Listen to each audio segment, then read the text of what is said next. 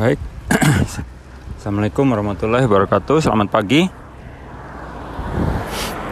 Terima kasih sudah mampir ke podcast Akademia Terbalik. Pagi ini saya akan membahas tentang seminar lagi ya.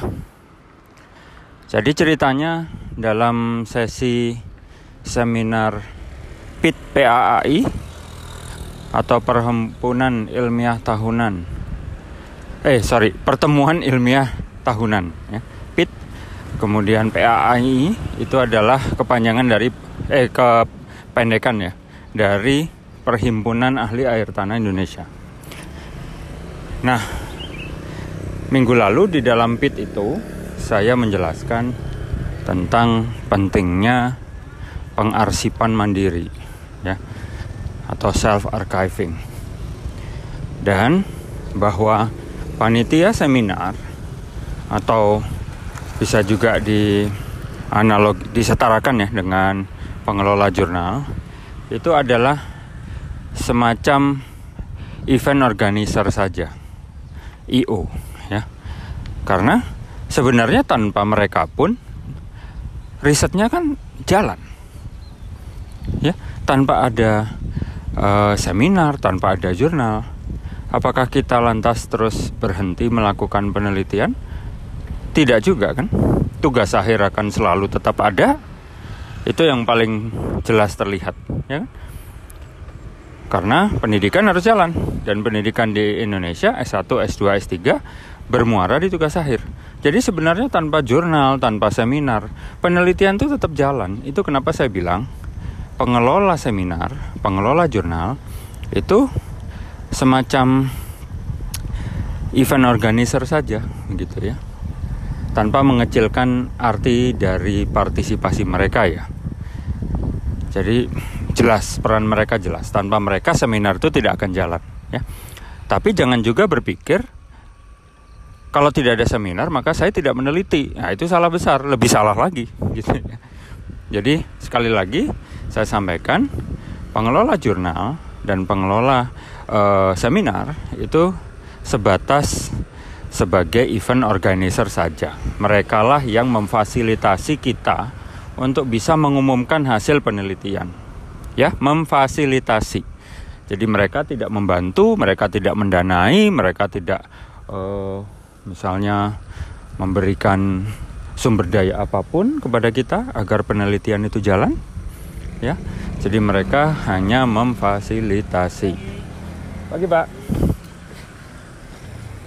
Nah, ketika pengelola jurnal, pengelola seminar itu sifatnya hanya memfasilitasi, maka sebenarnya kan kewajiban untuk mengumumkan hasil riset itu ada di siapa? Ya mestinya ada di pelaksana kan, di kita, para peneliti. Ya, jadi tanpa ada jurnal, tanpa ada seminar pun sebenarnya hasil risetnya itu tetap harus diumumkan. Karena kalau tidak, buat apa kita melakukan riset? Masuk akal kan? Contoh, katakanlah Anda berpikir uh, penelitian tugas akhir ya. Nah, selain membuat kita lulus, lantas buat apa itu dilakukan? Buat bacaan di rumah? Mana mungkin? ya kan? Buat kenang-kenangan, bisa jadi ya kan? Bahwa kita pernah sekolah S1 sekolah S2 atau sekolah S3 tapi setelah itu untuk apa? Kalau tidak untuk diumumkan kepada masyarakat luas ya. Nah di sinilah pentingnya pengarsipan mandiri.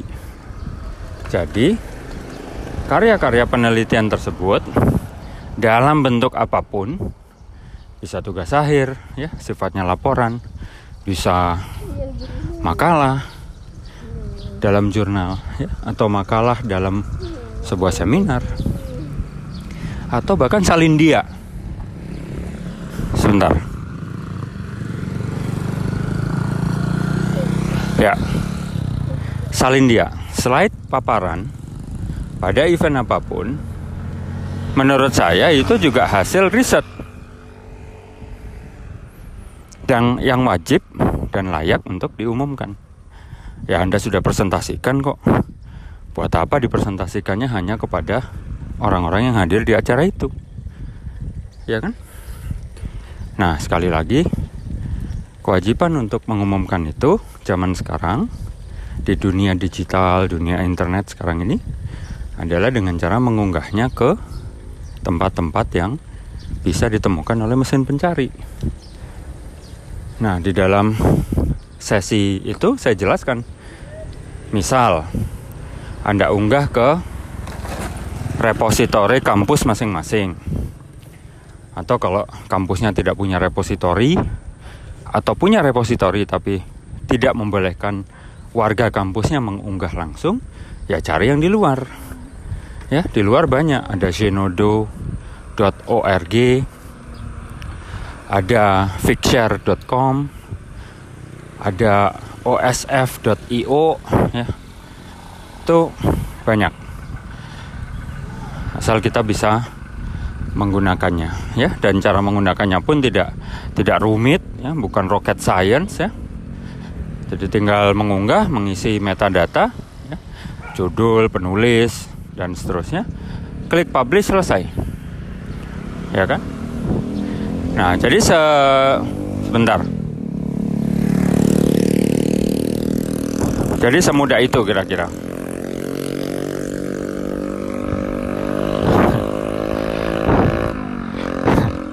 Saya heran ya yang menciptakan knalpot bising itu mikirin apa gitu? Setelah dipasangin motor eh setelah knalpotnya dipasang ke motor juga tidak tambah kencang ya untuk diketahui ya motor itu akan kencang itu tergantung dari mesin 90% jadi kalau motornya mesinnya tidak kencang mau dikasih knalpot sebising apa pun ya tidak akan kencang gitu. ya Nah, 10% berikutnya adalah komponen pendukung, salah satunya knalpot gitu ya. Itu pun membuat knalpot agar bisa membantu kinerja mesin agar kencang. Juga tidak sekedar dibolongin saja gitu ya. Jadi nggak ngerti saya. Oke, kembali ke materi ya. Oke, jadi Sekali lagi, kewajiban mengumumkan itu ada di peneliti. Caranya bagaimana? Yaitu dengan mengunggahnya ke tempat-tempat yang bisa ditemukan mesin pencari. Di mana itu tadi sudah saya jelaskan, ya. Baik. Nah, sekarang kenapa sih kita harus mengumumkan itu? Selain fakta bahwa itu adalah sebuah riset, bahwa Anda sudah capek, Anda sudah menghabiskan uang, kalaupun bukan Anda yang mengeluarkan uang, mungkin orang tua, mungkin mertua, mungkin negara. Ya. Nah, kenapa uh, menjadi penting? Ya, selain karena itu uh, bermula dimulai dari masalah di masyarakat, hasil riset itu juga perlu diumumkan ketika begini. Andaikan ada orang yang sejak awal memang sudah berminat ya. Jadi contoh misalnya saya. Saya menghadiri PIT PAAI itu secara daring. Nah kemudian saya melihat ada yang menarik. Ada salah satu paper yang menarik saya karena kebetulan saya dan tim saya mahasiswa S1 sedang meneliti di daerah itu yaitu di lereng uh, Gunung Malabar ya Nah, sebentar. nah, sekarang. Sekarang, bagaimana kita bisa menyetirnya? Ketika saya berpikir, oke, okay, ini menarik, saya akan menyetir. Bagaimana caranya?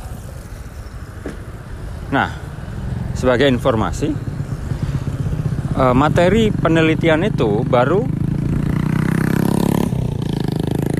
Materi penelitian itu baru terbit sebagai proceeding abstrak.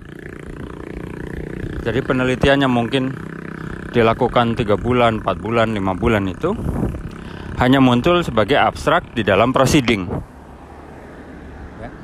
Nah, artinya apa? Saya harus menghadiri seminar itu kan supaya tahu materinya, supaya tahu apa saja hasilnya secara lebih rinci, gitu kan? Nah, itu pun mungkin tidak tercapai. Kenapa? Karena waktu presentasi hanya 15 menit. Berikutnya adalah mungkin saya pas tidak bisa mengikuti artik e, ketika peneliti me, me, mempresentasikan itu ya pada jam dan hari peneliti mempresentasikan itu saya pas nggak bisa ya. Jadi saya tidak akan tahu isinya apa. Ya. Ya kalau direkam. Kebetulan memang direkam ya kan? Jadi presentasinya di streaming ke YouTube.